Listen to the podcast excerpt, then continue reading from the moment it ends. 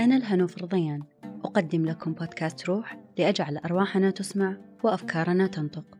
عنوان حلقتنا لليوم صوتك الداخلي. يأتيكم هذا البودكاست بالتعاون مع شبكة محتوايز. الساعة الثانية عشر من منتصف الليل. سكون الظلام. هدوء من صخب الحياة. غرفة مظلمة تكمن فيها كل وسائل الراحة. وأنت هنا. تستعد لشحن طاقتك لليوم التالي. وفجأة يزورك ذلك الصوت الذي لا تستطيع الهرب منه. يزيد وتتعالى نبراته في رأسك فلا تعرف أي منه تسمع. ضميرك أم عقلك؟ ذكرياتك في الماضي أم لحظاتك الحالية؟ أو خططك المستقبلية؟ تجزع عينك عن النوم. تحاول أن تتحدث معه بالعقل والمنطق وأحيانا بالعاطفة. وحالك أشبه بأفلام الكرتون. عندما كانوا يصورون لنا المارد الشرير في يسارك والملاك المسالم عن يمينك وكل منهم يمثلك أنت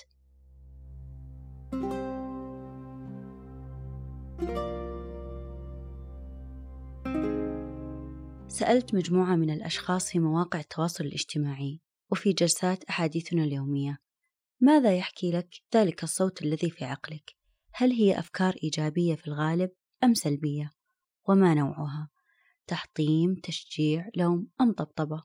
وللأمانة ذهلت بتنوع الإجابات وسعدت بمستوى الوعي فمثلا تكررت إجابة أن الصوت يهون علي كثير من المواقف مثل أنا أهون على نفسي عندما أمر بأزمة أو عندما أدرك أنني في أحد المواقف مستغلة لكن دائما هذا الصوت يكرر لي لا يوجد حق ضائع وإجابة أخرى تقول إذا كنت في أزمة يكرر لي هذا الصوت. إذا كان هناك حل بيدك ابذلي كل جهدك لحلها. وفي حال كان الحل خارج عن سيطرتك يهون علي فيعطيني كل وسائل التقبل. أما إجابة أصحاب العقول الخيالية يتحول الصوت لديهم إلى صورة فيتعامل العقل معها على خلق مشاهد تعبر عن حالتهم الحالية. فإن كان يريد أن يحلق في السماء ليتوسد السحاب فلن يوقفه مخلوق وإن كان سوداويا سيرسم هالة من الظلام بداخلها العديد من المواقف المحرجة أو الحزينة أو حتى مواقف مختلقة لا تمت للواقع بصلة.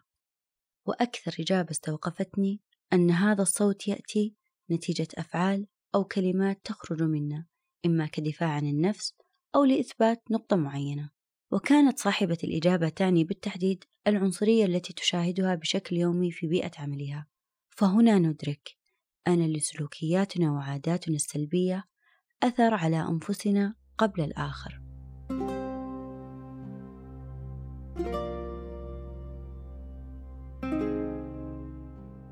مصدر الصوت. شبه العقل بخزانة ملابس كبيرة. وضع بداخل كل رف منها الأشخاص الذين مروا علينا طوال فترة حياتنا. الكلمات والأحكام التي صدرت منهم ووقع كل كلمة يكون أشد كلما كان الشخص قريب لقلبك. وقد يكون مصدر الصوت أنت من خلال عاداتك السيئة حتى وإن كانت صغيرة. وستذكر تلك العادات وطرق التخلص منها في الحلقة.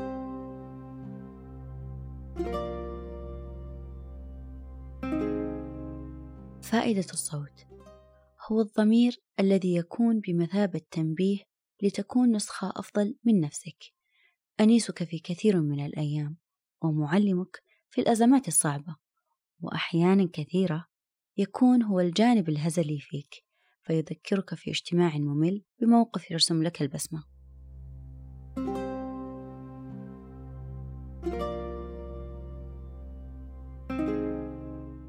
متى نسكت الصوت؟ عندما يسلبك حياتك متعتك مع أصحابك يوقظك من نومك أو يؤثر في إنتاجيتك ويعطلك عن أهدافك عندما تكون أمام شخص وكل ما تراه حركة يديه وشفتيه دون أن يصل إلى مسمعك كلمة واحدة منه عندما يكون أشبه بالعقاب لك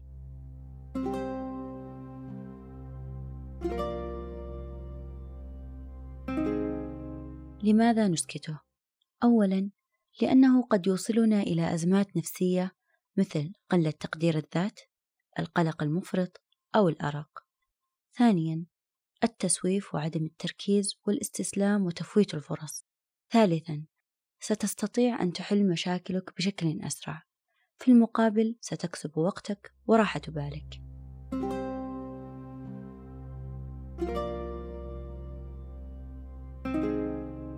والسؤال الأهم هنا كيف نسكته؟ كما هو معروف حتى نستطيع حل المشكلة يجب الاعتراف بها وبمسبباتها. أولاً لا تخجل من طلب المساعدة من مختص أو صديق أو عائلة. ثانياً أحط نفسك بكل ما هو إيجابي من أصحابك وأماكن تزورها وصولاً إلى قائمة المتابعة على مواقع التواصل الاجتماعي. ثالثاً لا تعلق مستقبلك أو حياتك بتجارب غيرك الفاشلة، فنحن نتعلم من الفشل، لكن لا ننحصر داخله. رابعاً خفف من نقد الغير، وتذكر أن وقتك وملاحظاتك على غيرك أنت أولى بها، ففي هذه الحالة ستكون دائما مترقب لمن ينتقدك، وسترسم في داخلك شخصية دفاعية. خامسا غير عاداتك فيقال إذا كنت تطمح للتغيير والوصول للنتائج يجب أن تغير عاداتك. وأولى مراحل التغيير أن نغير طريقة تعاملنا مع المشاعر. فحاول أن تتعرف وتتفهم مشاعرك. ما هو تعريف كل شعور يمر عليك؟ ومتى يرتفع ومتى ينخفض؟ سادسا التسويف. وهو أحد أهم العادات التي تساعد على علو هذا الصوت. فيكون صوتك الداخلي بمثابة تحطيم أو خوف من الفشل. وكم من موهبة دفنت لهذا السبب. فحاول قدر المستطاع أن تنجز أعمالك بانتظام ولا تخشى التجربة. سابعا المقارنة. ذكرت في حلقة سابقة بعنوان استراحة محارب أن المقارنة هي أخطر سلاح قد تقتل به شغفك وأحلامك وطموحاتك. تعلم أن ترى مميزاتك كشخص. وأن لكل شيء في حياتنا وقته المناسب. ستجد شريكك في الحياة في وقتك المناسب وستحصد إنجازاتك المهنية والعلمية في وقتك المناسب. ستصلك كلها في وقت يتلائم مع عقارب ساعتك من ناحية علمية اجتماعية ثقافية وعملية. ثامنا البيئة السلبية. عندما يتكرر على مسامعك أنك ضعيف أو حذر أكثر من اللازم ولو كانت تلك الكلمات بطريقة ودية ولا تحمل أي معاني خبيثة. فهنا صوتك الداخلي لن يدعمك وسيعود بك للخلف عند كل عملية اتخاذ قرار أو مواجهة أزمة. تاسعا اللامنطقية في النقد الذاتي. من أعظم السمات في الشخص هي أنك قد تكون جلاد ذاتك فتعرف متى تخطئ وتصلح الخطأ أو تتعلم منه. تحسن من أدائك الشخصي والمهني. لكن في نفس الوقت اعرف مميزاتك. عندما ترى أنك شخص معطاء اعترف بذلك. عندما تشعر أن ابتسامتك جميلة لا تبخل على نفسك بذكر هذه الصفة. لا تجعل هذا الناقد الصغير يتمادى عليك.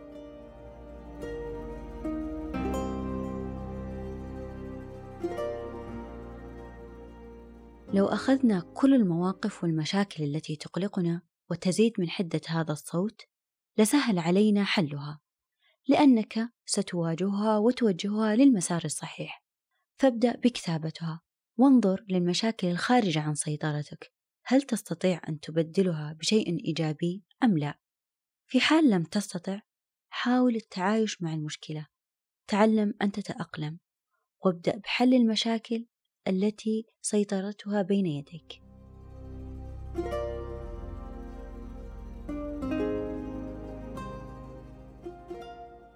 في الختام أفكارنا قد تخلق فينا الكثير من المشاكل النفسية والجسدية. لهذا كتبت هذه الحلقة على أمل أن تحدث تغيير.